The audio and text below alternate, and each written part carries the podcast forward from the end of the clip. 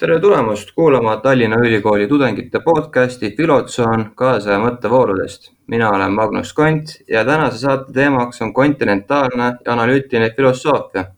mul on äärmiselt hea meel, et minuga on täna vestlemas Tartu Ülikooli filosoofia ajaloo õppetooli hoidja ning õpiku sissejuhatus filosoofiasse üks autoritest, Roomet Jakabi, tere! tervist! Samuti on mul väga hea meel teatada, et meiega on täna Tallinna Ülikooli Humanitaarteaduste Instituudi direktor, filosoofiaprofessor Tõnu Viik, tervist! tere kõigile! alustakski siis üldisemate küsimustega. mis tüüpi uut teadmist pakub filosoofia, mis on filosoofia eesmärk teaduses? no Roomet, kas sa tead? ei ole just kaugeltki nii lihtne öelda, mida uut filosoofia pakub, pigem, pigem filosoofia loob selgust vanas ja paljud autorid on ju arvanud, et, et filosoofia ikkagi pigem, pigem reflekteerib, kui avastab mingisuguseid uusi seni tundmatuid ontoloogilisi valdkondi. ma ise ei tea, kuhu ma sellel skaalal enda, ennast paigutaksin, et kas ta, kas ta siis uusi teadmisi ei loo. mulle tundub, et loob küll. aga ta loob, ta loob teadmisi, mis kindlasti tuginevad teistes teadustes toodetud ja loodud teadmistele ja ja see filosoofia tüüp, mida mina harrastan, tugineb päris paljuski ka filosoofilisele traditsioonile. nii et uudsus filosoofias tähendab võib-olla hoopis selgust milleski vanas või arusaamist millegi kohta, millest me varem aru ei saanud, aga, aga millise fenomeniga me varem ikkagi juba tuttavad olime. noh, näiteks mida tähendab hea elu ehk õnn või mida tähendab armastus või millised teadmised on usaldusväärsed või, või veel midagi?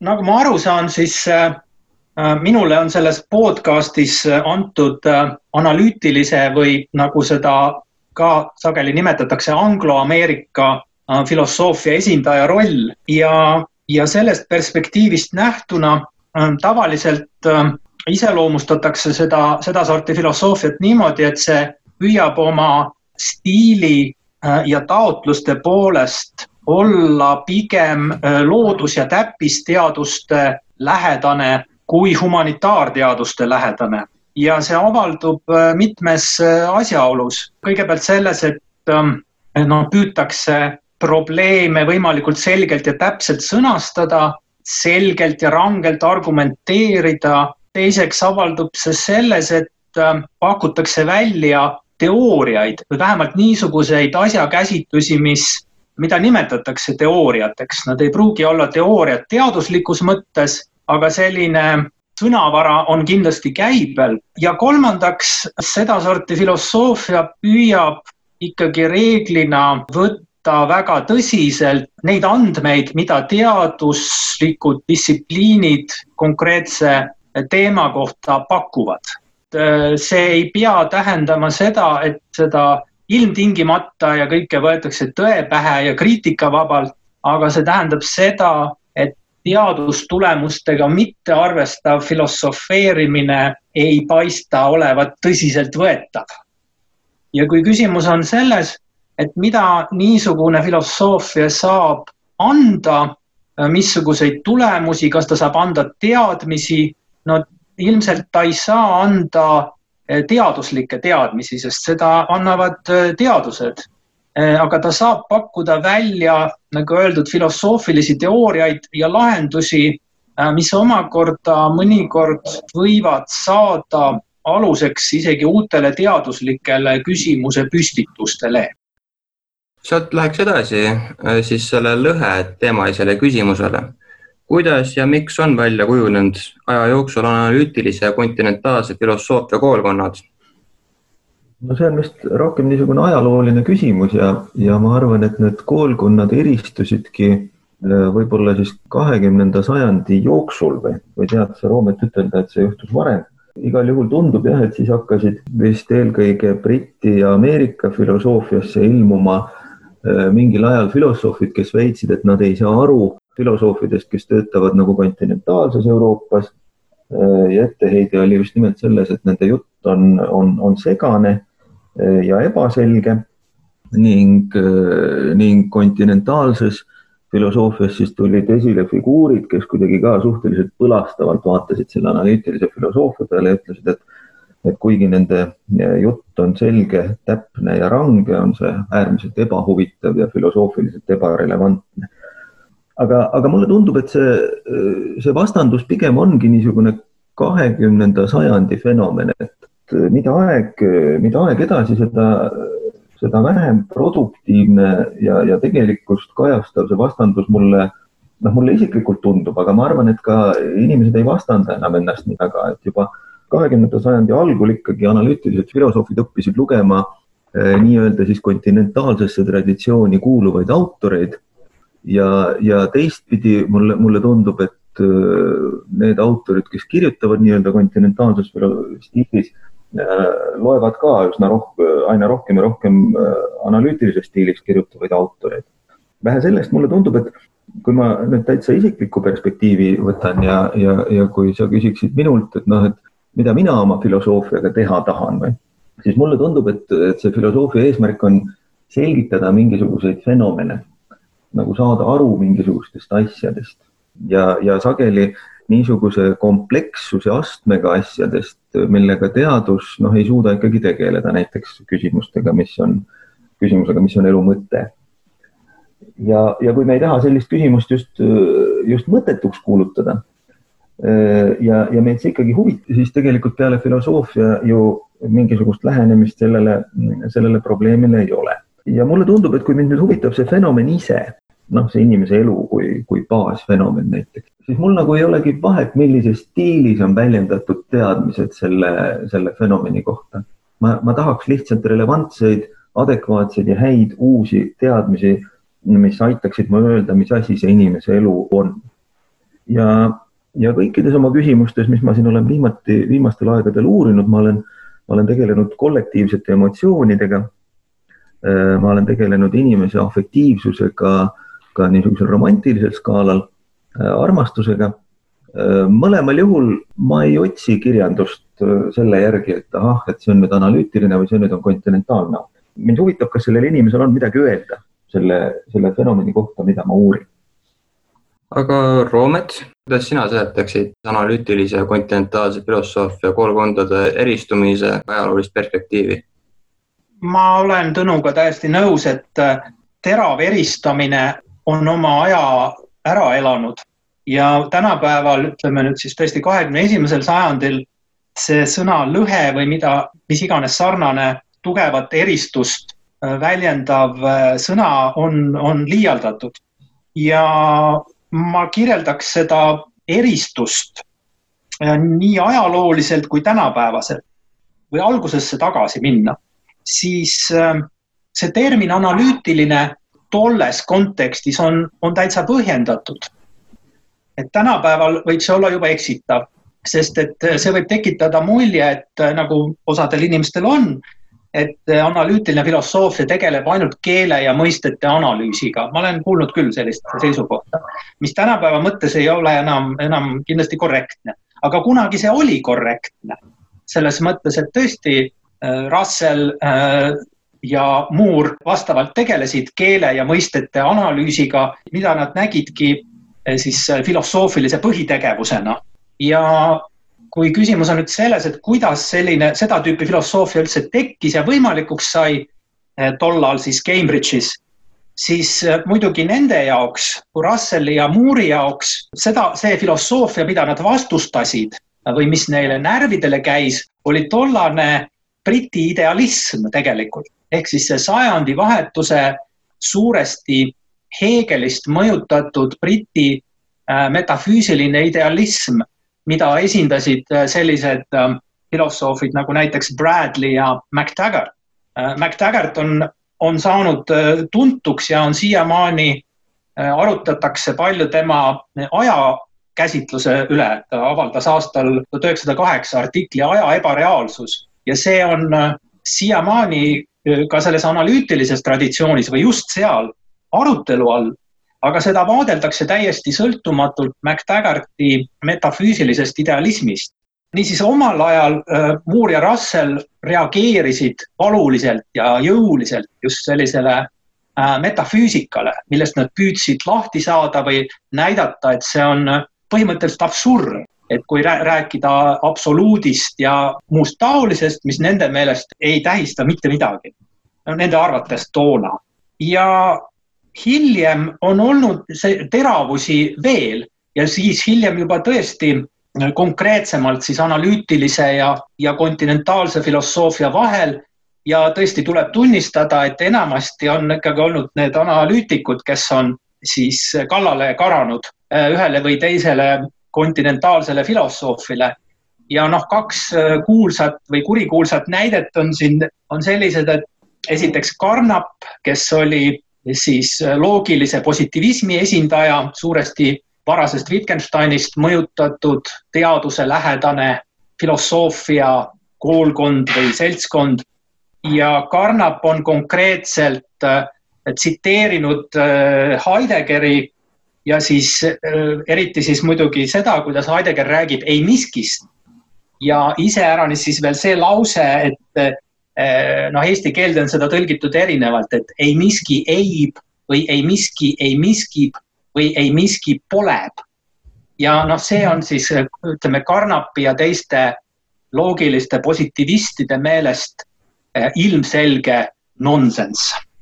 Ja üks kurioosne juhtum on muidugi palju värskem ja see pärineb aastast tuhat üheksasada üheksakümmend kaks. et noh, nagu ma mainisin, et äh, Russell ja Moore, eks ole, mõlemad ja, ja ka varane Wittgenstein tegutsesid Cambridge'i ülikoolis ja Cambridge'i ülikool on suurte teaduslike traditsioonidega, seal tegutses kunagi ka Newton ise. ja nüüd sellest analüütilisest perspektiivist nähtuna tekkis äh, suur kisma, kui üheksakümne teisel aastal taheti Derridale anda Cambridge'i ülikooli audoktorikraad. ja terve hulk analüütilisi filosoofe ja mitte ainult Inglismaal ja mitte ainult Cambridge'is, vaid ka kontinendil ja Ameerikas reageeris sellele väga valuliselt. nii et nad äh, isegi on seltskond siis, kes äh, väljastas äh, Äh, kaebekirja, milles nad väitsid, et Derrida ainult simuleerib filosofeerimist ja siis uurimuslikku tegevust või teaduslikku tegevust. ja Derridaad süüdistati seal kirjas isegi dadaismis, et ühesõnaga ta lihtsalt nagu simuleerib ja mängib, see ei ole tõsiseltvõetav, sellisele inimesele ei tohiks anda audoktorikraadi ja kusjuures tõesti ma vaatasin eile õhtul, et kes sellele, kes sellele kaebekirjale alla kirjutasid. ja, ja huvitaval kombel on seal terve suur hulk Euroopa kontinendil tegutsevaid või tegutsenud analüütilisi filosoofe, seal on üks poolakas ja mõni sakslane ja ja on inimesi Šveitsist ja nii edasi. aga nüüd, kui ma veel korraks lisan midagi praeguse olukorra kohta, millest Tõnu juba jõudis rääkida tegelikult, siis äh, praeguseks on, on, on selles analüütilises või angloameerika traditsioonis tekkinud näiteks niisugune, niisugune seltskond filosoofe, keda mõnikord nimetatakse postanalüütilisteks. ja, ja sinna kuuluvad näiteks sellised filosoofid nagu John McDowell ja Robert Brandom, kes mõlemad on äh, Hegelist äh, suuresti mõjutatud ja Brandom on äh, avaldanud terve raamatu Hegeli kohta ja mõjutatus ei tähenda mitte valulisi reaktsioone, vaid nad on positiivselt mõjutatud. ja üldse selle, selle seltskonna silmis on, noh, neil on tekkinud sügavam, sisulisem huvi äh, kontinentaalse filosoofia vastu. ma korraks reageeriks mitmele asjale, mis siin Roomet ütles et kõigepealt see, et äh, Brandon ja McDowell nimetavad ennast ju lausa neohegeliaanideks. ja, ja see on tõesti näide sellest, kus keegi, kuidas keegi on siis, kuidas analüütiline filosoof on positiivselt mõjutatud kontinentaalsest filosoofiast. nüüd mina veel läheks korra sinna ajalukku tagasi ja ütleks, et minu arvates see kõige teravam vastandus joonistus välja hetkel, kui osa analüütilisest filosoofiast, äh, mitte kõik, aga, aga osa analüütilisest filosoofiast läks, läks väga ära loogikasse ja ja hakati kirjutama selliseid artikleid, mis nägid enam-vähem välja nagu matemaatikaajakirjade artikleid, kus siis üks valem järgnes teisele ja siis paljudele kontinentaalse poole pealt tundus, et noh, et nad on nüüd langenud selle niisuguste ideaalkeele otsingute naiivsesse lõksu, et justkui filosoofia nüüd äh, on loogiliste valemite abil leiutanud lõpuks selle ideaalkeele, mille abil kõiki probleeme äh, lahendada, aga mulle tundub, et ka see on vist ajalooline episood, ühesõnaga tänaseks ma ei, ma ei tea, kas võib öelda, mis sa, Roomet, arvad, et kas äh, enamus analüütilisi filo, filosoofe vist ei arva, et filosoofilised probleemid saavad lahendatud siis, kui me tõlgime nad loogikakeelde või? et see äkki ei ole enam, ei ole enam relevantne, aga ma arvan, et see oli hetk, kus see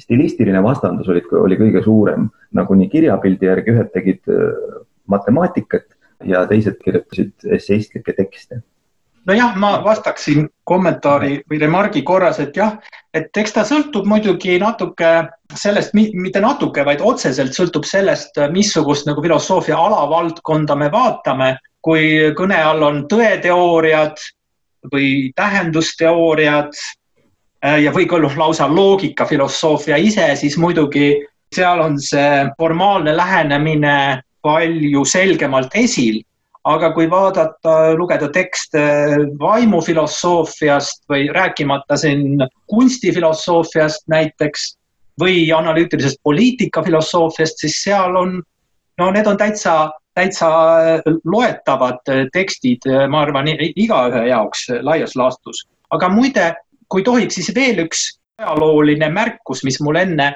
ütlemata jäi ja ma arvan, et see on ikkagi mõnes mõttes olemuslik, et mis puudutab seda, nende traditsioonide erinevat stilistikat. noh, iroonilisel kombel on ju nii, et äh, kui analüütilise traditsiooni ühe tunnusjoonena tuuakse välja see selgus ja täpsus ja teooriate loomine ja, ja siis igasuguse salapära vältimine, siis iroonilisel kombel Wittgenstein ise, kes on üks selle traditsiooni rajajaid ja suuri tegelaskujusid.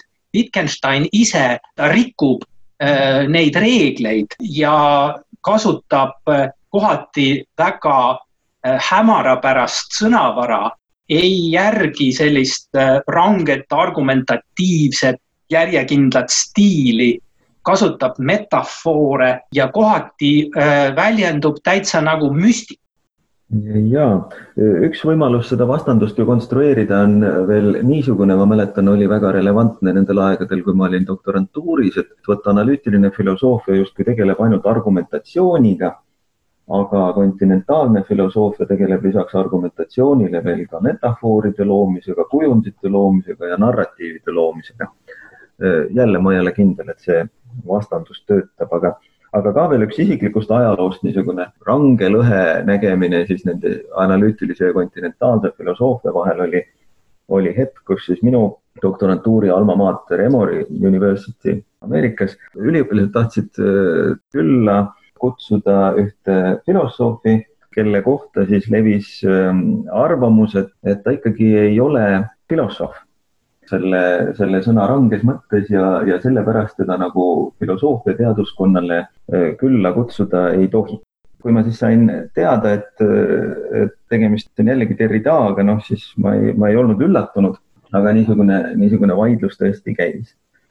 Äh, ma tahaks veel kommenteerida ka seda analüütilisele filosoofidele justkui omistatud neid kriteeriumeid või sellele stiilile omistatud kriteeriumeid, nii nagu Roomet rääkis, et et probleemide selge ja täpne sõnastus, see on iseenesest ikkagi ju sünnib selline ideaal, noh, Rene Descartesi filosoofias võib-olla ühena esimestest saab see, saab see sõnastatud ja see on ju ikkagi sügavalt kontinentaalne filosoofia.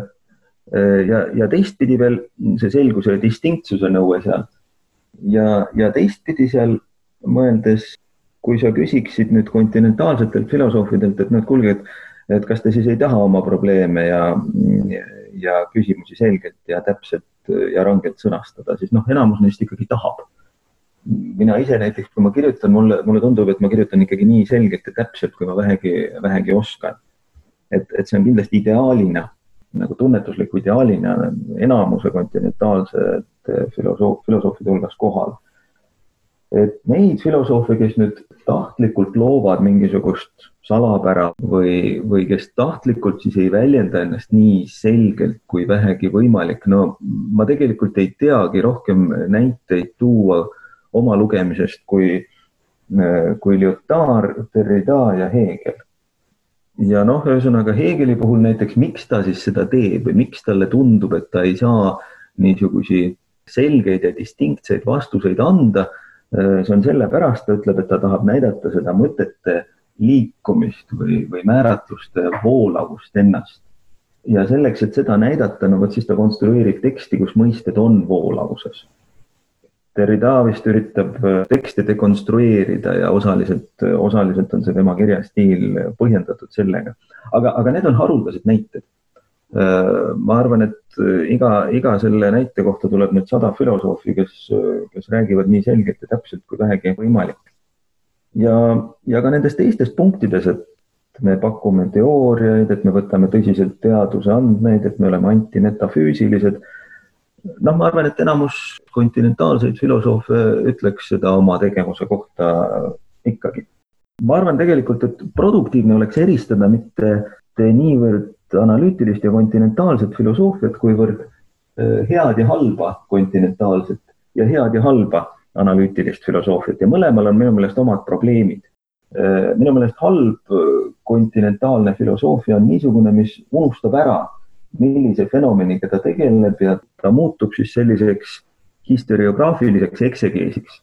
ehk siis ta tegeleb mingisuguse teksti mõistmisega, küsimata palju selle kohta, millest see tekst räägib see teksti mõistmine on, on, on eraldi eesmärk ja mulle tundub, et niisugune teadus on küll väga, väga vajalik, selline tekstide ajalugu, aga, aga see iseenesest ei ole filosoofia.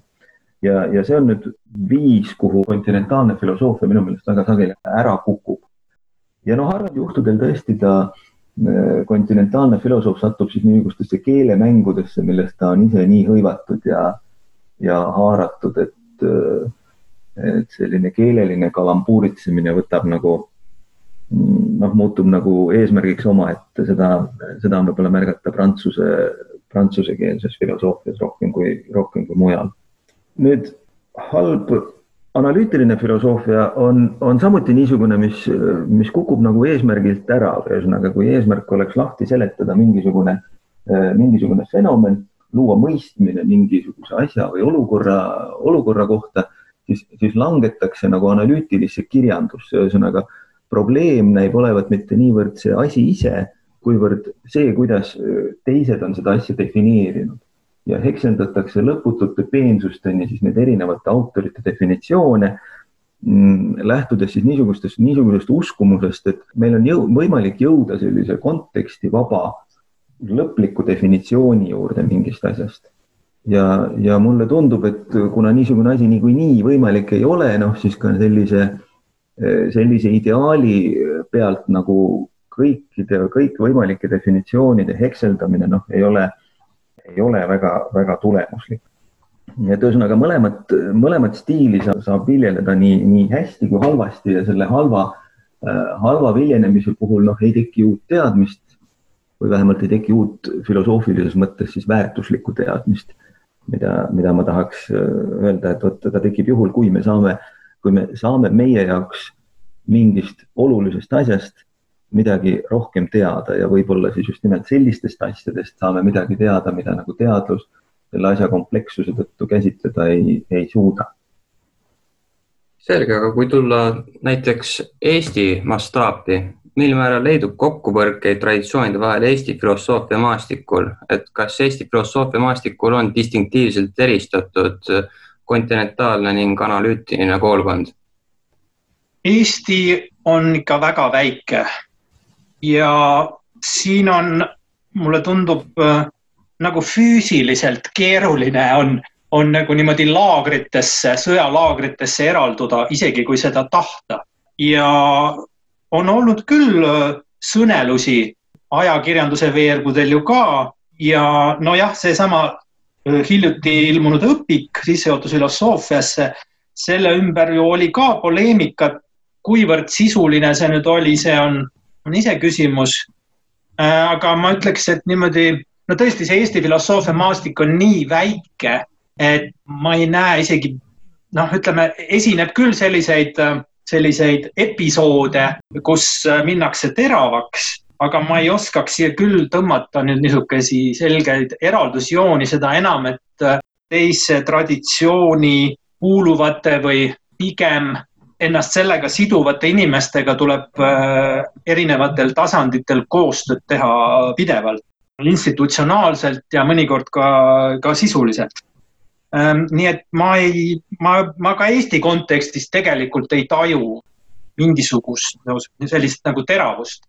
noh, samas on, loomulikult on olemas, noh, no ühe näitena võib muidugi tuua sellesama analüütilise filosoofia seminari, äh, mis on tegutsenud äh, Tartus juba üsna pikka aega ja mis äh, on selleks loodud, et teatud tüüpi filosoofiat arendada ja luua ja sellel seltskonnal on oma teatav niisugune identiteet, aga ma ei arva, et see oleks selline välistav või, või kuidagi väga-väga range. mulle tundub ka, et Eesti kontekstis pigem, pigem ollakse rõõmus, et ikkagi mõni filosoof üldse veel leidub, kes eesti keeles oma mõtteid proovib väljendada, kui et, kui et on hästi halb, et ta nüüd teeb seda selles ja mitte teises stiilis või žanris et kui ma mõtlen nende konfliktide peale, siis ausalt öeldes ma, ma ei oskagi neid, ma, ma ei teagi neid rohkem kui tõesti võib-olla see äh, üks väljaütlemine selle sissejuhatusfilosoofiasse õpiku osas, sest kõikidel muudel juhtudel me ikkagi teeme vist pigem koostööd ja selle õpiku osas nüüd noh, ma ütlen kohe ära, et minu hinnangul on tegemist sellise äh, suurepärase õpikuga, mis äh, mis juhatab sisse tänapäeva filosoofias kasutatud terminoloogiasse, mis on levinud ikkagi võib-olla, võib-olla tõesti, mis on rohkem kodusanti analüütilises filosoofias, mõned eristused seal, aga, aga enamus, millest on kasutusel nii kontinentaalses kui ka,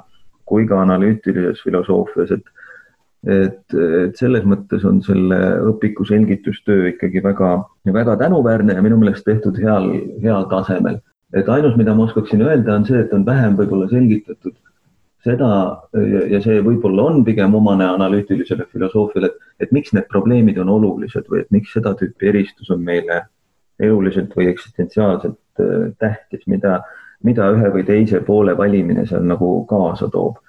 Äh, teistel puhkudel on see muidugi intuitiivselt selge, nagu näiteks küsimuses, kas nüüd Jumal on olemas või, äh, või mitte ette, aga, aga jah, me ei ole siin suutnud, ühesõnaga meil vist tõesti, ma olen Roometiga nõus, ei ole, ei ole ressurssi, et nüüd, nüüd stilistilisel pinnal mingit suurt sisetüli äh, üles ajada.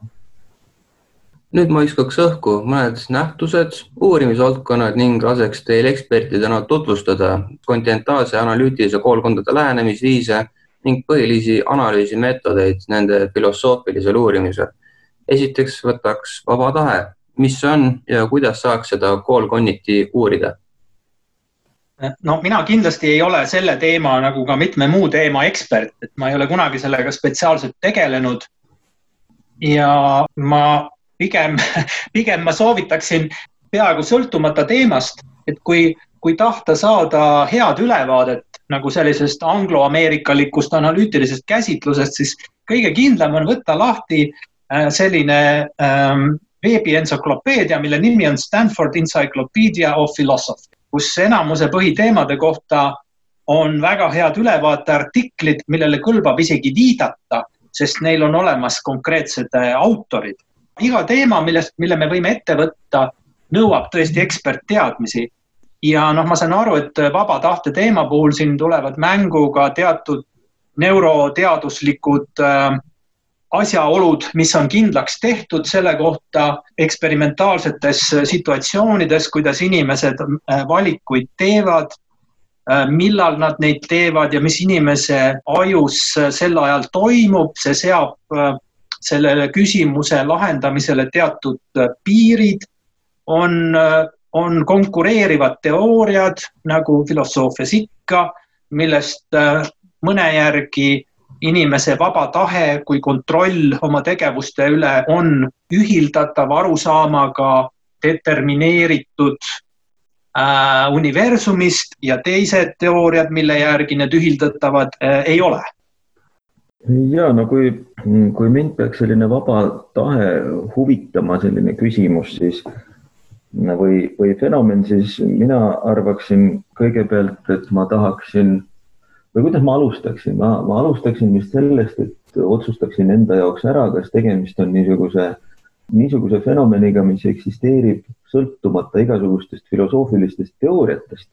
Ja ainult sel juhul on filosoofilistel teooriatel tegelikult selle kohta midagi öelda. Või on see niisugune filosoofilise kirjanduse tekitatud probleem? kas siis seetõttu, et keegi kasutab mingit mõistet valesti või see, või seetõttu, et keegi väga autoriteetne tegelane on, on, on kuulus oma, oma, oma teooria poolest ja teised, teised interpreteerivad teda, noh näiteks Hegeli absoluudi puhul võime küsida, et või nagu paljud analüütilised filosoofid ütlevadki, et vot niisugust asja ei ole üldse olemas, järelikult pole mõtet tegeleda. No vaba tahe kõigepealt samamoodi, ma mõtleksin, et või prooviksin aru saada enda jaoks, et kas tegemist on äh, reaalse fenomeniga või siis filosoofilise kirjanduse poolt loodud mingisuguse mõistega.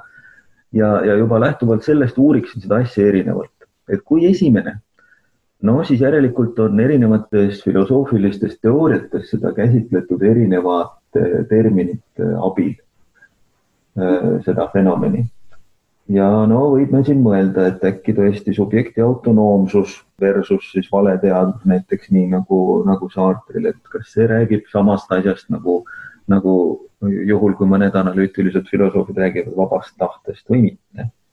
ja nii edasi, et see, see eristus on, eristus on põhiline.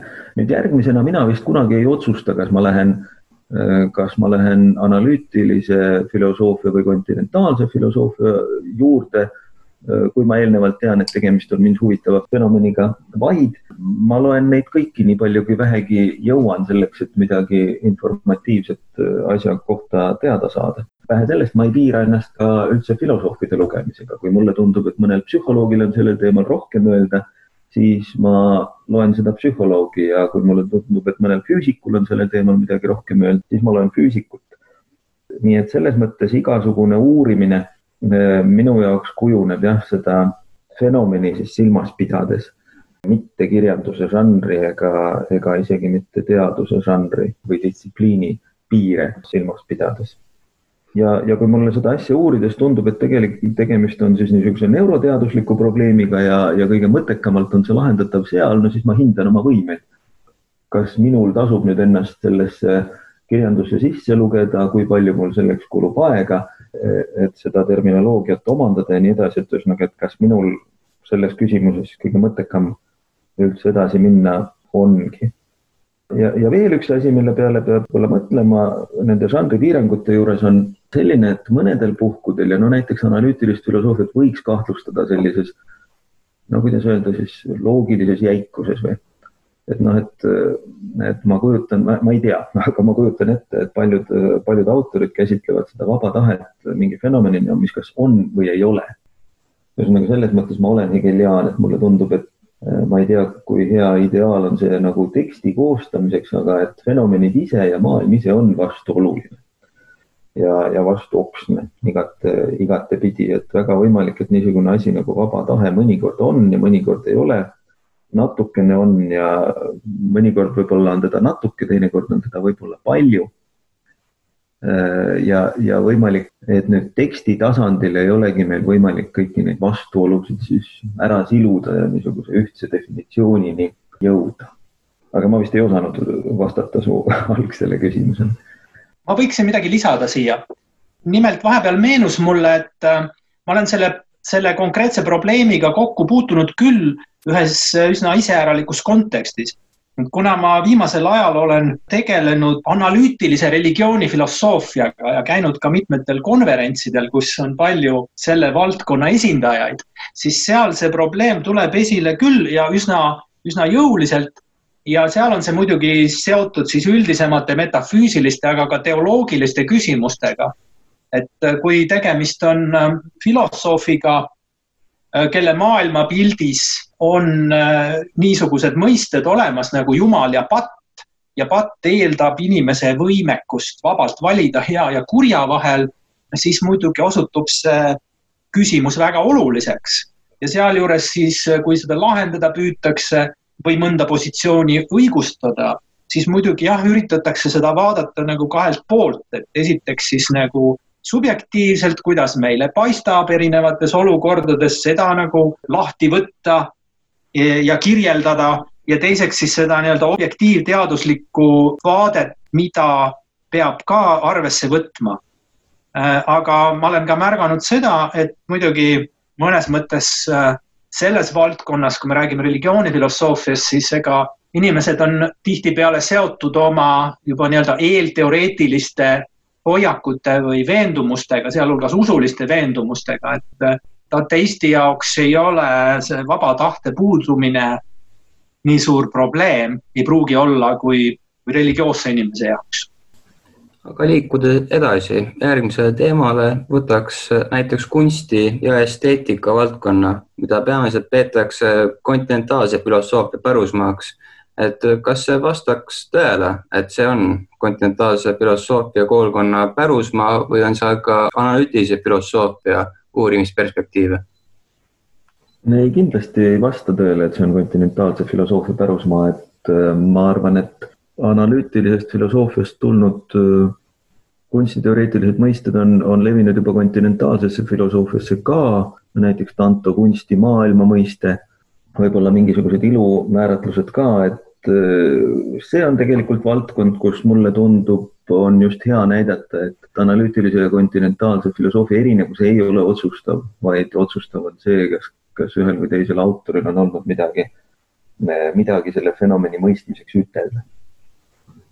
No täpselt nii jah, kui nüüd vaadata sedasama kõne all olnud õpikut, siis peatükk number kolmteist kannab pealkirja kunst. Ja selle kirjutas äh, Marek Volt, kes on ise tegelenud selle analüütilise kunstifilosoofiaga aastaid. Ja noh, siin nii nagu teistegi teemade puhul tulevad esile konkureerivad teooriad, siin on näha antiessentsialism, esteetiline kunstiteooria, institutsionaalne kunstiteooria ja nii edasi, ühesõnaga need analüütilised käsitlused on, on täiesti olemas ja on olnud juba aastakümneid. Ja nagu Tõnu märkis, et, et siin need mõisted võivad ka liikuda ühest traditsioonist teise. Eh, mida ma olen küll märganud, on see, et kui nüüd selles samas kunstimaailmas endas ringi vaadata, siis mul on jäänud mulje, et eh, kunstnikud ja samuti kuraatorid, kes näituseid kokku panevad ja näituse kontseptsioone sõnastavad, viitavad palju sagedamini kontinentaalse filosoofia autoritele kui analüütilistele autoritele, välja arvatud Wittgenstein, kes sobib igale poole. Aga liiguks edasi järgmise temaatika juurde, milleks on ajalugu.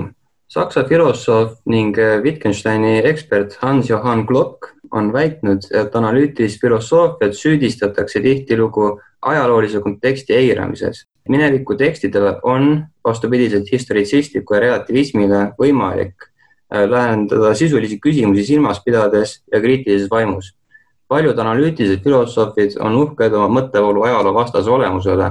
metafüüsika analüütilised vaenlased mõistsid traditsioonilist filosoofia hukka, pidas seda mõttetuks või valeks.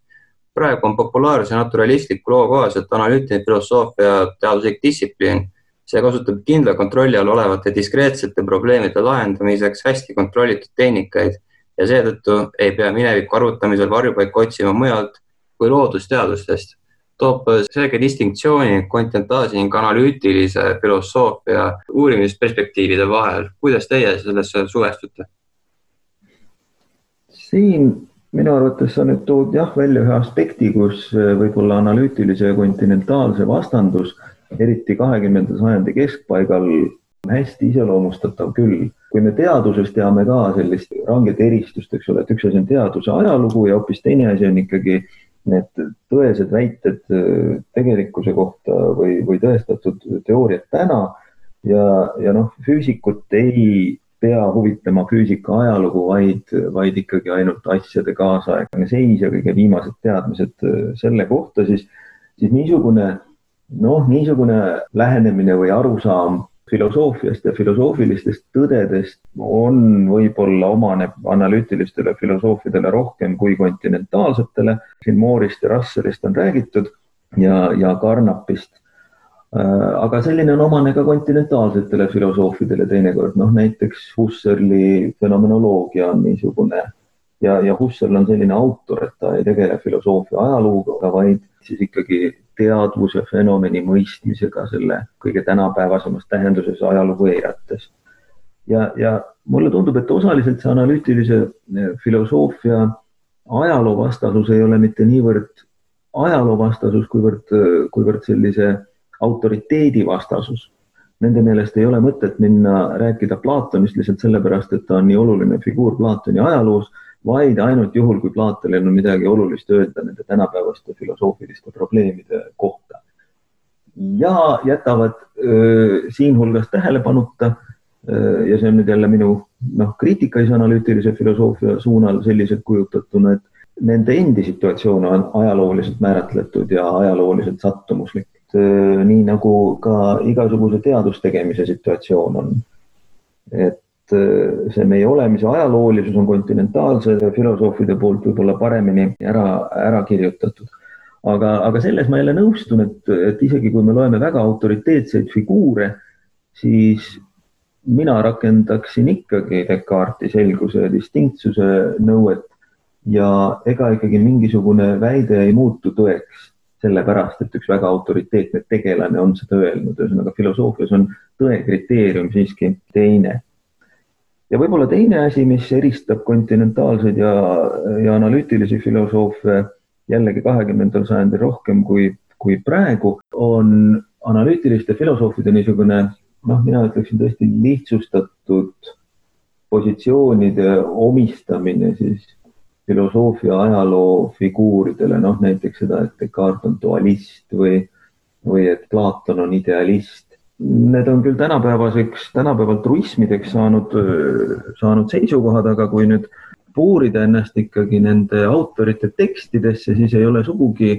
siis ei ole need tulemused sugugi nii ilmsed, et võtame, võtame sellesama Platoni näite.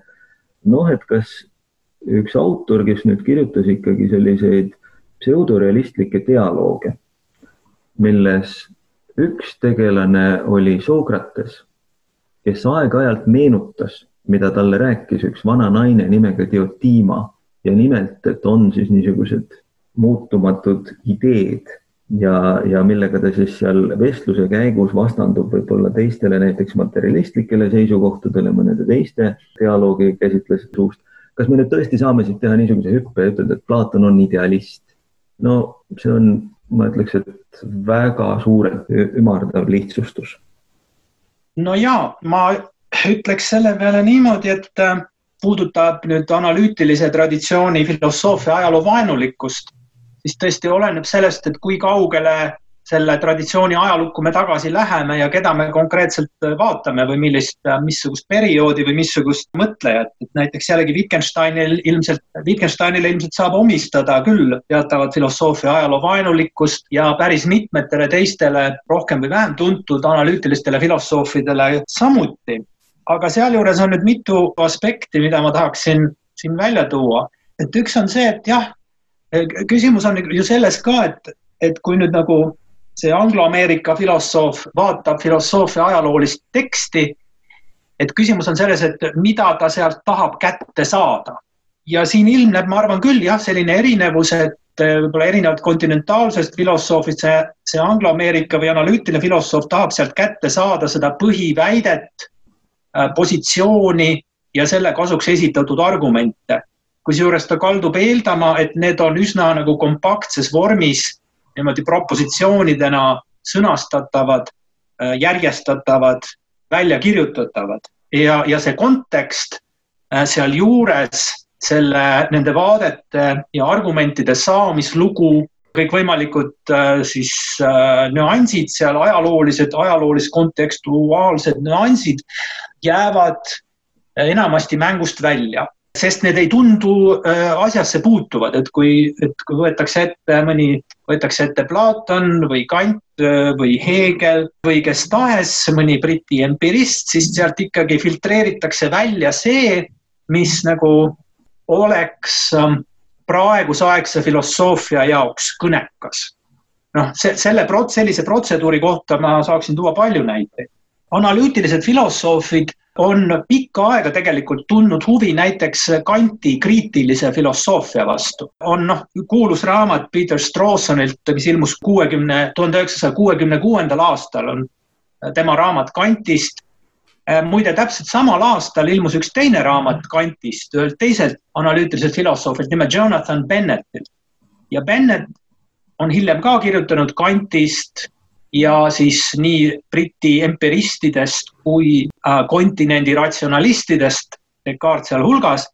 ja no tema lähenemisviis on nagu teatud mõttes, ütleme kontekstualiseerivast vaatepunktist vaadates äh, see Bennetti või, või Strawsoni lähenemisviis on väga problemaatiline, sest nad otsivad, nagu ma ütlesin, just neid väiteid, positsioone, argumente, et niimoodi, et nad meid kõnetaksid. sealjuures see Bennett on isegi välja andnud niisuguseid, ühesõnaga toimetatud tekste, tal on eraldi veebileht, kuhu ta paneb üles filosoofia klassikute tekste, mida ta on niimoodi töödelnud, et need tänapäeva filosoofe kõnetaksid, tehes siis terminoloogilisi asendusi, et, et ta ei, ei mõjuks liiga arhailiselt ja muutuks kõnekaks. ja siin on muidugi küsimus selles, et no mida tohib ja mida ei tohi filosoofia ajalooliste tekstidega teha, eks tohib igasugu asju teha, aga mida on sealt võimalik kätte saada. ja veel on lisaks sellele on hulk kuulsaid analüütilisi filosoofe, kes on filosoofia ajaloolase taustaga. et seesama John McDowell, keda on vist juba mitu korda siin mainitud, tema on kunagi avaldanud Platoni Theaitetose tõlke koos kommentaariga ja Davidson tegeles kunagi Platoniga. aga noh, seda saab võtta ka niimoodi, et, et see filosoofia ajaloo uurimine on, on tänapäevaks juba omaette distsipliin. et need on kaks eri asja, et kuidas nagu uurida filosoofia ajalugu ennast ja teine on see, et kuidas kasutada mõne klassiku mõtteid nüüdisaegses argumentatsioonis. ma tooks veel eh, Kanti kohta ühe sellise näite. kunagi kui ma oma doktoriõpingute käigus olin vahepeal Oxfordis, äh, siis seal oli selline filosoof nagu Qasim Qassam, kes on ka kirjutanud Kantist. ja ma käisin tema loengutes ja mind hämmastas see, et vot äh, Eestis õppides ma olin harjunud, et nende filosoofia ajalooliste figuuridega tuleb äh, ümber käia kontekstualiseerivalt. kui tahta neist aru saada, siis tuleb mõista, eks ole mis tingimustes ja millele reageerides ja kuidas, kellest mõjutatuna nad oma mõtted kirja panid. aga seesama, see filosoof seal, tema käsitles ingliskeelset kanti nii, nagu kant oleks elus. ta vaidles talle konkreetselt vastu. Ja see on omamoodi nagu südantsoendav, et äh, mulle tuli üllatusena, et niimoodi saab neid ajaloolisi figuure üldse võtta, justkui nad oleks elus, nii et nende, nendega saab vaielda täitsa täitsa tõsimeeli. no selle viimase kohta tohib, ma ütlen, et äh, minule tundub see vaidlemine väga sümpaatne. et vaidlemisega sa ju teed ühe filosoofi nagu relevantseks oma, oma teema suhtes. aga no kui see vaidlemine põhineb, ühesõnaga, kui see autori positsioon konstrueeritakse ikkagi hermeneutilises mõttes väga naiivselt, selles mõttes, et selle autori tekstide niisugune põhjalikum lugeja, noh, saab, saab lihtsalt aru, et see autor pole kunagi niimoodi arvanud, noh, siis see enam nii sümpaatne minu jaoks ei ole, et võtame, võtame veel ühe näite, Gilbert Riley kuulus kummitusmasinas või, või vaimmasinas, millega ta iseloomustab siis Descartesi teooriat ja millega ta paneb aluse sellisele kuulsale, noh, tänapäeval jälle turismiks saanud teadmisele, et vot Descartes on seal dualist ja nii edasi. Descartes on küll dualist mingites asjades ja mingites kontekstides, aga mitte inimese osas, sest, sest ta räägib just nimelt sellele teooriale vastu, et tema tekstilõikus ta ütleb, et nojah, et, et kui oleksid ainult neid maailmas neid kahte liiki substantse, siis oleks nii, et meie hing või meie vaim oleks meie kehas nii nagu kapten laevas. ta saab vahendatult andmeid selle kohta, mis selle laevaga toimub ja siis ta kuidagi juhib seda aga ütleb Descartes, ei ole nii. meie hing ei ole kehas nii nagu kapten laevas. ja, ja sellise, sellise tekstilõigu olemasolu Descartesil noh, oleks nüüd pidanud ikkagi Gilbert Riley'l mõjutama, mõjutama palju ettevaatlikumalt oma teooriat edastama, et ta küll, ta küll vaidleb seal Descartesiga, aga loob temast niisuguse ebarealistliku hernehirmutise enne seda, kui vaidleb. kuna sa Descartesi sisse tõid, siis ma selle koha peal muidugi tahaks ikkagi öelda, et Descartesi meditatsioonid ju ikkagi sisaldavad äh, lausa kahte argumenti selle positsiooni tõestuseks, et inimese hing on kehast eraldatav. aga mitte antropoloogilises ega ontoloogilises mõttes, äh, vaid epistemoloogiliselt, see tähendab, on võimalik moodustada tõsikindlaid väiteid äh, ühe või teise asja olemasolu mõttes, no selles mõttes siis ontoloogilises tähenduses. aga nagu ta räägib mujal, see ei kirjelda inimest nii, nagu see substants ikkagi päriselt esineb okei okay,, no mina loeksin seda metafüüsiliselt ikkagi niimoodi, et kui, kui keha sureb, siis hing jääb järele. aga võib-olla me läheme liiga sügavuti Descartesi sisse. jah, võib-olla, võib-olla küll. hing jääb muidugi järele, aga, aga see ei tähenda, et enne seda oli kehas nii nagu kummitusmasinas või vaimmasinas. sellega tuleb nõustuda jah, sellega lõpetakski tänase episoodi huvitaval ning sisukal teemal filosoofias. meiega olid täna Tõnu Viik Tallinna Ülikoolist ning Roomet Jakavi Tartu Ülikoolist. suured tänud ning sügav kummardus külalistele, kes jagasid enda teadmisi selles valdkonnas ning pidevalt inspireerivad filosoofiast huvitunuid valdkonnaga lähemalt tegelema. tänud tulemast. suur aitäh, väga meeldiv oli. ja aitäh kõigile lisainfo koos selle saate soovitusliku kirjandusega on leitav meie kodulehelt filotsoon.wordpress.com ja kindlasti ärge unustage kihkamast ka meie Filotsooni Facebooki. suur aitäh kuulamast, see oli kontinentaalne ja analüütiline filosoofia Filotsoonis